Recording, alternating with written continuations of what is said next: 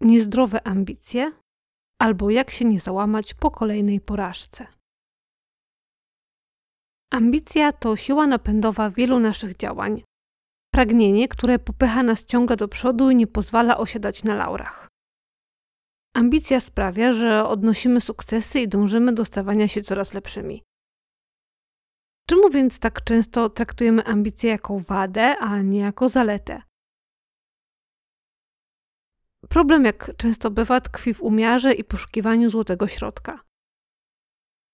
Gdzie jest ta granica, przy której ambicja z motoru do działania zamienia się w hamulec blokujący nasze postępy i rozwój? Wiele naszych problemów z ambicją bierze się z nieprawidłowego jej rozumienia.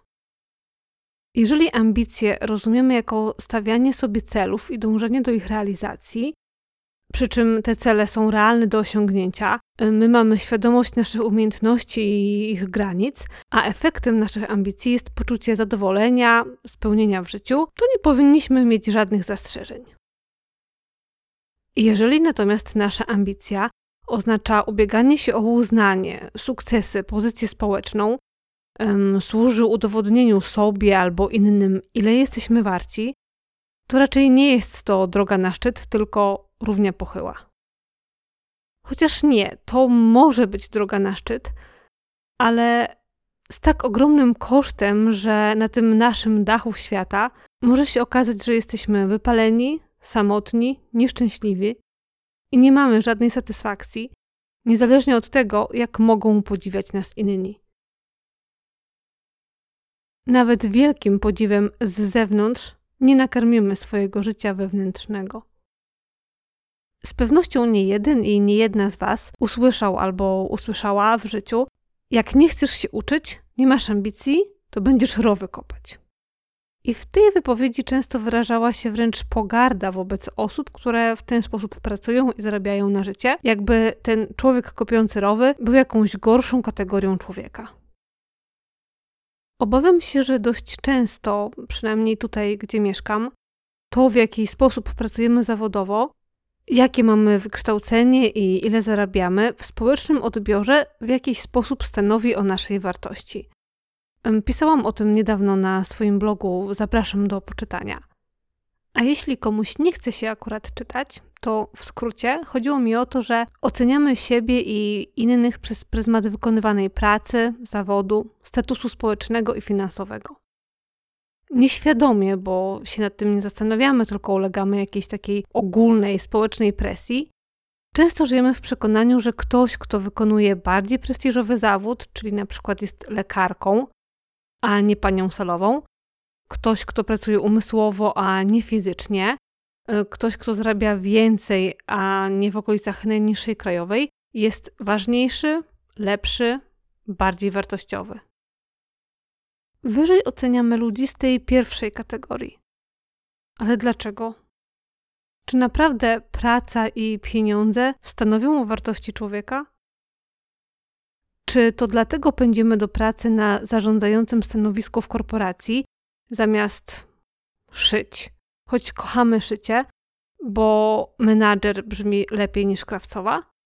Dlaczego? Realnie, co w tym jest lepszego, prócz wyobrażenia na ten temat niektórych ludzi? Spokojnie wyobrażam sobie swoje życie bez udziału w nim chociażby grona prawników, E, oczywiście rozumiem, że są sytuacje, w których są oni niezbędni, ale już trudno sobie mm, wyobrazić życie bez na przykład panów wywożących śmieci. Mnie przynajmniej byłoby bardzo trudno. Więc czemu bardziej ceni się prawników niż śmieciarzy? A czy pan śmieciarz może być szczęśliwszym, dającym więcej dobra innym i sobie człowiekiem, niż ten powszechnie uważany za prestiżowego prawnik czy lekarz? Temat ambicji i porażek warto zatem zacząć od przyjrzenia się swoim motywacjom i hierarchii wartości. Zastanówmy się, kogo naprawdę cenimy, za co i czy ta ocena jest adekwatna, wynika też może z często niesprawiedliwych społecznych schematów. Zastanówmy się, dlaczego do czegoś dążymy i czy naprawdę dla nas to ma wysoką wartość. Czy przez dane działanie lub osiągnięcie stajemy się bardziej wartościowi? Czy wybieramy pracę menadżera czy team lidera, chociaż skrycie marzymy o cukierniku, tylko dlatego, że menadżer cieszy się społecznie większym uznaniem? Co chcemy tak naprawdę uzyskać, na przykład goniąc po sukces, obojętnie w jakiej to jest dziedzinie, czy zawodowej, czy na przykład najlepiej posprzątanej kuchni, czy największej ilości lajków na Facebooku. I czy to jest właściwa droga? Bo jeśli sukces ma zaspokoić naszą potrzebę akceptacji i uznania, którego ciągle szukamy na zewnątrz, zamiast w nas samych, jeśli chcemy zrekompensować sobie jakieś braki i kompleksy, jeśli za pomocą sukcesu pragniemy udowodnić sobie lub innym, że jesteśmy wartościowi albo nawet lepsi, albo jeśli chcemy poczuć kontrolę nad rzeczywistością, bo czujemy, jak bardzo nie mamy wpływu na to, co się dzieje i to napawa nas lękiem, to jesteśmy skazani na niepowodzenie. Sukces nam tego nie załatwi. Zarówno dobrą, jak i złą wiadomością jest to, że nie ma jakiejś takiej nirwany, zen, stanu czy momentu w życiu, w którym osiągamy jakiś konstans, jakiś taki ogólnożyciowy sukces, żyjemy w szczęściu, harmonii, poczuciu wiecznej zajebistości i nie popełniamy błędów. Ja dowiedziałam się całkiem niedawno, że czegoś takiego nie ma. Bo ja myślałam, że jest, że trzeba na przykład pracować nad sobą rok, dwa, pięć albo dziesięć. Przeczytać dużo mądrych książek i zastosować się do e, udzielanych tam porad, albo, e, nie wiem, pójść na terapię, odkryć w ogóle podszywkę świata, zrozumieć o co chodzi i zaznaczyć na liście dan. I ja w pierwszej chwili czułam się oszukana. No jak to? To ja tutaj pracuję nad sobą od y, miesięcy albo nawet lat. Wpycham jak syzy w ten kamień rozwoju na górę. I co? Nie będę mogła odznaczyć dan? Będę ciągle popełniać błędy, niepotrzebnie złościć się na męża, odczuwać lęki, smutki, załamywać się, zamartwiać, tylko może po prostu trochę mniej? Będę sobie z różnymi rzeczami radzić, ale ciągle będą jakieś rzeczy do poradzenia sobie z nimi? Jak to nie ma zen? A potem poczułam ulgę. Jak nie ma zen, to ja się wcale nie muszę do niego tak spieszyć. A chyba się właśnie spieszyłam. Mogę spokojnie, w swoim tempie i chętnie pozbywać się różnych emocjonalnych balastów i czynić moje życie lżejszym i lepszym, albo przyjemniejszym w danym momencie. A potem mogę przestać, albo zacząć znowu, w zależności od potrzeb. To nie jest jakaś droga na szczyt, jak wygląda na to, że sobie wyobrażałam, tylko w przód. I to porównym. I w miarę pojawienia się na tej drodze różnych trudności, mogę uczyć się, jak sobie z nimi radzić, a nie, że muszę już teraz i ze wszystkimi naraz. Osiągnięcie jakiegoś wymyślonego zen, spokoju ducha, było moją utopijną ambicją i ogromnie się cieszę, że właśnie się jej pozbywam. Ma to jeszcze jeden plus. Mogę mówić do Was nie z perspektywy, bo ja już to wszystko wykminiłam i teraz Wam powiem, jak jest ten świat zbudowany i powiem Wam, co macie robić. Nie. Mówię do Was ja, sama, zmagająca się z różnymi problemami zewnętrznymi i wewnętrznymi i zastanawiająca się nad światem wokół. Nadaje z frontu, na żywo, a nie spod własnego pomnika, który sama sobie zbudowałam. A wracając do motywacji, to fakt, że ta nasza praca nigdy nie jest skończona, że życie jest zmienne i płynne, to wymaga od nas nieustannej czujności albo przynajmniej ustawiania budzika od czasu do czasu, gdy nasza świadomość idzie na drzemkę. Gdy w jakimś amoku siedzę do późna w pracy kolejny dzień, tydzień, rok, osiągając coraz lepsze wyniki, albo z ogromną determinacją szoruję na kolanach szczotą podłogę w kuchni i fugi między płytkami, to fajnie jest powiedzieć do siebie: Halo, Karolinko, dzień dobry, jak się masz? Wykończona jest frustrowana? Czy bierzesz akurat udział w konkursie na pracownika roku albo na najlepiej wyszorowaną podłogę w mieście? A może liczysz na awans, nagrodę pracownika roku lub na nagrodę perfekcyjnej pani domu? A kto ją wręcza? A jeśli aktualnie nie bierzesz udziału w żadnym konkursie, to po co ta spinka? Cholera. No, po co? Po co mi to? Komu i co pragnę udowodnić? Co chcę dzięki temu zyskać? Pochwałę? Od kogo? Poczucie własnej zajebistości? Czy na pewno świadczy o niej ta podłoga? Czy czystość podłogi w moim domu? Ilość poprawkowych egzaminów na studiach? Zajmowane stanowisko? Marka ubrań? Ilość przebiegniętych kilometrów? Status relacji? Cokolwiek mówi o tym, jakim jestem człowiekiem? Jak bardzo jestem wartościowa? I być może tu Was zaskoczę. Ale nie. A jeśli po prostu biegnę jak ten chomiczek na kołowrotku i właściwie sama nie wiem dlaczego? Pytania, po co coś robimy, co chcemy z tego mieć, do czego nam to jest potrzebne, ja potrzebuję zadawać sobie naprawdę często. Choćby po to, żeby nie wkładać wysiłku w coś, co się nie sprawdzi i tak naprawdę nie jest żadną odpowiedzią na moje własne potrzeby. Albo jeśli śledzimy na przykład komentarze i reakcje na nasz post na Facebooku, jest nam smutno, bo tam jest za mało serduszek i tych kciuków, to byłoby miło odpowiedzieć sobie na pytanie, ale po co nam one? Jeśli dzięki nim chcemy poczuć się lepiej, to chyba więcej sensu ma zastanowienie się, dlaczego czujemy się źle. Często na tak zwany przerost ambicji cierpią ludzie, którzy mają niskie poczucie wartości i potrzebują właśnie udowodnić sobie i innym, że są fajni albo nawet fajniejsi. I też to mm, widzę sama po sobie w takiej mikroskali. Jeśli mam gorszy dzień, mniej siły, coś przechodzi mi z większym trudem, albo niespecjalnie jestem z siebie zadowolona w danej chwili, to mam zwykle nieświadomie, bo oczywiście zauważam to dopiero po fakcie, coś, co nazywam potrzebą mini sukcesu. Czyli na przykład chcę zrobić pyszny obiad, wiecie, taki, żeby mąż pochwalił, że pyszny. Albo chcę sobie zrobić jakieś super zdjęcie na Instagrama. Albo właśnie chcę mieć super uporządkowaną szufladę. Cokolwiek.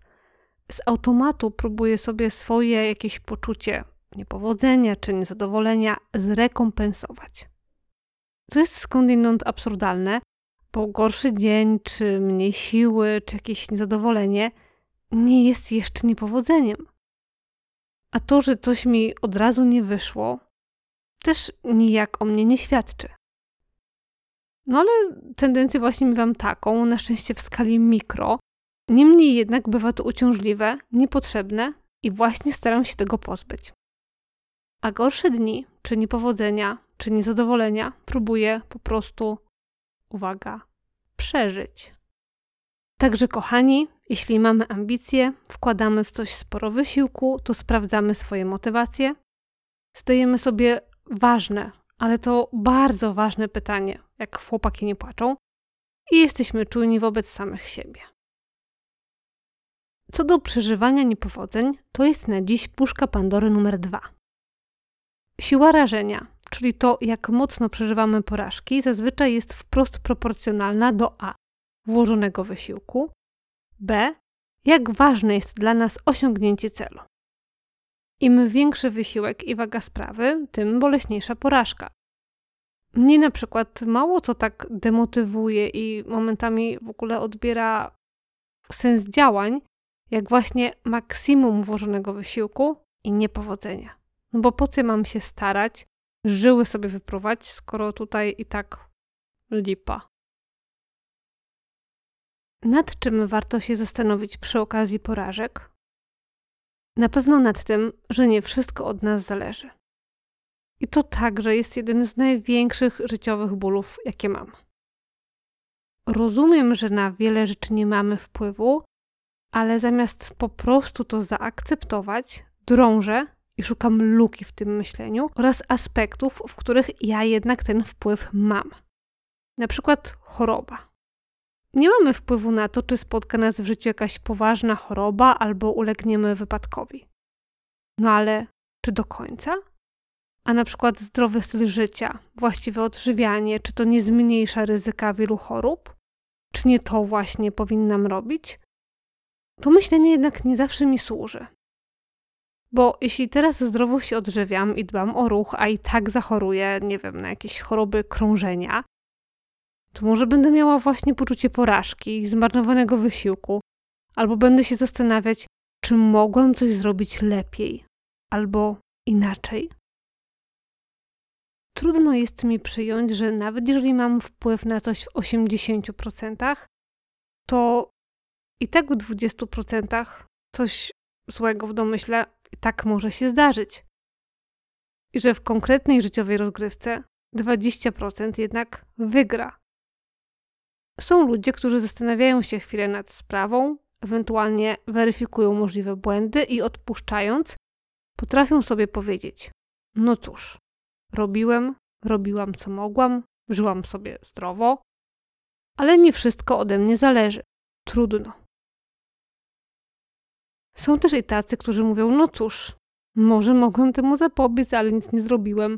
Żarłem chipsy i popijałem kolą trzy razy w tygodniu. Teraz jest jak jest. Ja nie należę do żadnej z tych grup. Dlaczego? Bo ja, i o ile mi wiadomo także część z Was, ma w sobie nieodpartą tęsknotę za poczuciem pewności, planowania, przewidywalności i kontroli. Wielu z nas wydaje się, że to pandemia nam to odebrała, że wcześniej było normalnie, a teraz właśnie przez tą pandemię straciliśmy jakiś grunt pod nogami. Paradoks polega na tym, że wcześniej też tego gruntu nie mieliśmy. Żyliśmy, przynajmniej częściowo, w błędnym przekonaniu, w jakiejś ułudzie, że w pewnym zakresie mamy kontrolę nad rzeczywistością, że możemy ją przewidywać, planować, że są sprawy pewne, takie jak umowa o pracę, czynny sklep czy otwarte przedszkole. Tak naprawdę jednak nie mieliśmy nic pewnego i nic specjalnie pod kontrolą. I z jednej strony to jest przerażające, a z drugiej znowu ulga. Im bardziej pragniemy poczucia kontroli, tym bardziej się spinamy. Żeby ten plan nasz krok po kroku zrealizować, i każde odstępstwo może kosztować nas niepotrzebny stres i nerwy. A im ta kontrola i poziom planowania mniejszy, tym większy luz i otwartość na to, co przyniesie los. To mówiłam ja, wasz podcastowy mistrz spinki. Gdy dotknie nas poczucie porażki, dobrze jest się zastanowić, czy to aby na pewno porażka. Opowiem wam, dla odmiany, o sobie. Pamiętam doskonale sytuację sprzed dwóch lat. To był dzień obrony pracy doktorskiej mojego męża. Ja także skończyłam studia doktoranckie, ale nie napisałam pracy, bo musiałam sobie znaleźć normalną pracę na etat, żeby się utrzymać i nie stresować co miesiąc, czy wystarczy mi na czynsz, jak to było przy pracy dorywczej. Liczyłam, że uda mi się pogodzić pracę, ogarnianie mieszkania i pisanie doktoratu, ale pojawiły się dwa problemy. Po pierwsze, deadline mojego lubego przypadał wcześniej i to on musiał skończyć pierwszy. Po drugie, okazało się, że nie ma sensu, żebym kończyła doktorat. Póki byłam na studiach i pracowałam na uczelni za darmo, bo to takie były czasy, kiedy doktorantami zapełniało się braki kadrowe, y, na zasadach wolontaryjnych, rzecz jasna, to było ok. Kiedy jednak już nie mogłam być dłużej wolontariuszem, to okazało się, że nie jestem potrzebna. Nie było tam dla mnie ani miejsca pracy, ani też perspektywy na nią. A był to kierunek raczej niszowy, więc nie mogłam szukać tej pracy gdzie indziej. Moja naukowa pasja naukową pasją, ale ja uwielbiałam uczyć i ja chciałam pracować na uczelni nie dla samych odkryć, ale przede wszystkim dla studentów. A skoro nie ma i najpewniej nie będzie, bo powiedziano mi to też wprost, takiej szansy, nijak się to nie przełoży na możliwość pracy i utrzymania, to po cholerę mi ten doktorat. Pomyślałam sobie, ok, Jak będę mieć wielką chęć i wolny czas, to ja go sobie kiedyś napiszę. No i nie napisałam. Ale wróćmy do obrony mojego męża. Otóż byłam z nim tego dnia na jego uczelni, nie tylko jako wsparcie moralne, ale też, żeby tam pomóc coś ogarnąć. Na przykład rozłożyć ciasteczka dla komisji i gości. I tak sobie układam wodę, kubeczki, talerzyki, aż w końcu przyszła do mnie myśl. No tak, tutaj mój mąż się broni, a ja. Ja tutaj y, tylko ciasteczka przyszłam rozłożyć. I moją ambicję trafił piorun. Oczywiście cieszyłam się i byłam dumna z osiągnięć mojego męża, ale sama ze sobą czułam się słabo. Na moim koncie osiągnięć brak, tak to wtedy rozumiałam, i że w ogóle to jest jakaś wielka życiowa porażka. I przez jakiś czas z tym uczuciem chodziłam. Analizując to jednak zupełnie na chłodno, czy to aby na pewno była porażka? Samo napisanie doktoratu to momentami tytaniczna robota, wyprany mózg i szaleństwo w oczach. To mogą być miesiące przepracowania i wyczerpania, bo zazwyczaj trzeba też jakoś ogarnąć pieniądze na choćby jedzenie i mieszkanie. Niewiele osób utrzymuje granty, a też niekoniecznie te granty wystarczają na utrzymanie. I nie będzie to przesada, jeżeli powiem, że mój mąż wracał do normalnego stanu po doktoracie kilka miesięcy. To jest ogromny koszt energetyczny i psychofizyczny. I gdybym ja też ten koszt poniosła, nie uzyskując przy tym celu, czyli pracy na uczelni, czy to dopiero nie byłaby wtedy porażka? Czy rezygnacja z tej inwestycji, która skończyłaby się bankructwem, nie jest tak naprawdę dobrą decyzją, a może nawet sukcesem? Czy wszystko, co traktujemy jako niepowodzenie, tym niepowodzeniem jest w rzeczywistości?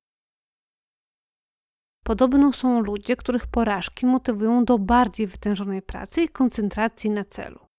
Podobno, bo znam tylko ze słyszenia. Z moich doświadczeń i z rozmów z innymi ludźmi wynika jednak, że znacznie więcej jest tych, którym porażki podcinają skrzydła. Czy zatem porażek da się uniknąć? Oczywiście, że tak. Nie wychodząc nigdy poza własną strefę komfortu i absolutnie nic nie robiąc. Tylko czy to o to w życiu chodzi? No, chyba nie.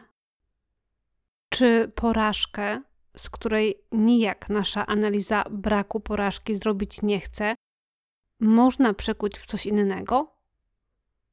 Można ale jest to bardzo trudne. Przykład. Mam problemy finansowe i muszę na jakiś czas wrócić do rodzinnych stron i zamieszkać znowu z rodzicami. No nie planowałam tego. Nie chciałam, ale nie ma innej opcji. Nie wiem, straciłam pracę, mam długi i muszę pomieszkać z nimi kilka miesięcy, dopóki nie znajdę nowej. I z jednej strony jest to porażka, niepowodzenie, powinięcie nogi. Ale czy możemy na to spojrzeć z innej strony? Może moi rodzice są już w podeszłym wieku, może za jakiś czas odejdą i wtedy będę wdzięczna losowi, że mogłam z nimi przez te kilka miesięcy jeszcze pobyć, spędzić ten czas. Mówi się, że jedne drzwi się zamykają, a inne otwierają. Sytuacja, w jakiej się znaleźliśmy, jest zawsze zaproszeniem do czegoś. Coś tracimy, ale zawsze też zyskujemy. Nie dostajemy awansu i wyższego wynagrodzenia, ale za to mamy więcej czasu i mniej odpowiedzialności. Oblewamy egzamin na studiach, czyli tracimy część ferii albo wakacji, ale zyskujemy możliwość porządnego nauczenia się czegoś, co może nam się przydać. Przyznam, że ja kiedyś zakochałam się w przedmiocie, dopiero ucząc się go do poprawki na studiach. Czy ja umiem sobie tak powiedzieć? Z perspektywy, tak, jasne, i bywa, że żałuję, że nie wykorzystałam jakiegoś momentu, na przykład na ciekawe działania, ciekawie spędzony czas, tylko fiksowałam się na niepowodzeniach. Zdarzyło mi się też po fakcie stwierdzić, właściwie to dobrze, że tak wyszło, w sumie się nieźle złożyło. ale w środku trudnej sytuacji, kryzysu niepowodzenia, jak dotąd więcej razy nie umiałam sobie tego powiedzieć, niż mi się to udawało. Zazwyczaj miotam się i walczę z wiatrakami. Poczyniłam jednak ostatnio pewne postępy z oduczania się, zadręczania i zastanawiania w kółko, co mogłam zrobić lepiej lub inaczej. Odpowiedź najczęściej brzmi: nic. I to jest coś, co przy przeżywaniu realnych i wyimaginowanych niepowodzeń bardzo pomaga. W danej sytuacji czy w danym momencie podejmujemy decyzje, jakie wydają nam się najlepsze na podstawie posiadanych informacji. A póki co nikt, no może poza wróżbitą Maciejem, nie posiada umiejętności przewidywania tego, co będzie. Porażki są motorem postępu, odkryć i rozwoju. Czemu zatem ich przeżywanie jest często okupione takim trudem? Bo porażka stanowi zagrożenie dla nas samych, jakiejś części naszej osobowości, jakiegoś naszego przekonania. Bronimy siebie, tacy jacy jesteśmy, bronimy naszych wyborów, zamiast rozbierać się na kawałki, przyglądać się tym naszym częściom, naprawiać je, wymieniać lub budować od nowa. Jeśli mamy 30, 40 czy 50 lat, to raczej będziemy okopywać się w swoich racjach, niż je weryfikować.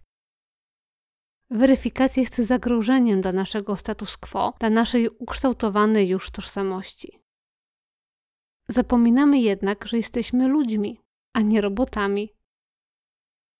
Tak jak świat wokół zmienia się każdego dnia, tak i my podlegamy zmianom, a z jakiegoś powodu nieustannie staramy się zatrzymać siebie w stanie niezmiennym.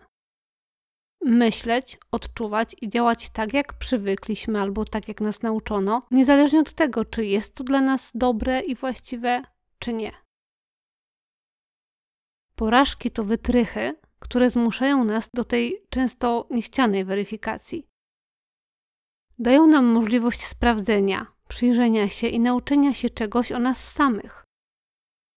My, ludzie, nie jesteśmy ciałem stałym. My także jesteśmy procesem.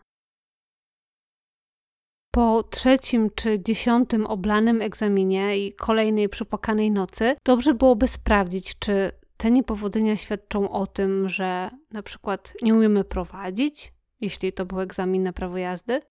Niekoniecznie. A może to prawo jazdy nie jest aktualnie najpotrzebniejszą rzeczą w życiu i zamiast tego muszę zauważyć jakąś inną swoją potrzebę? Albo może ta trzecia czy dziesiąta porażka chce mi powiedzieć, może to jest kolejny punkt na Twojej liście, która wcale nie prowadzi do zadowolenia i spełnienia w życiu. Może to ta lista wymaga weryfikacji.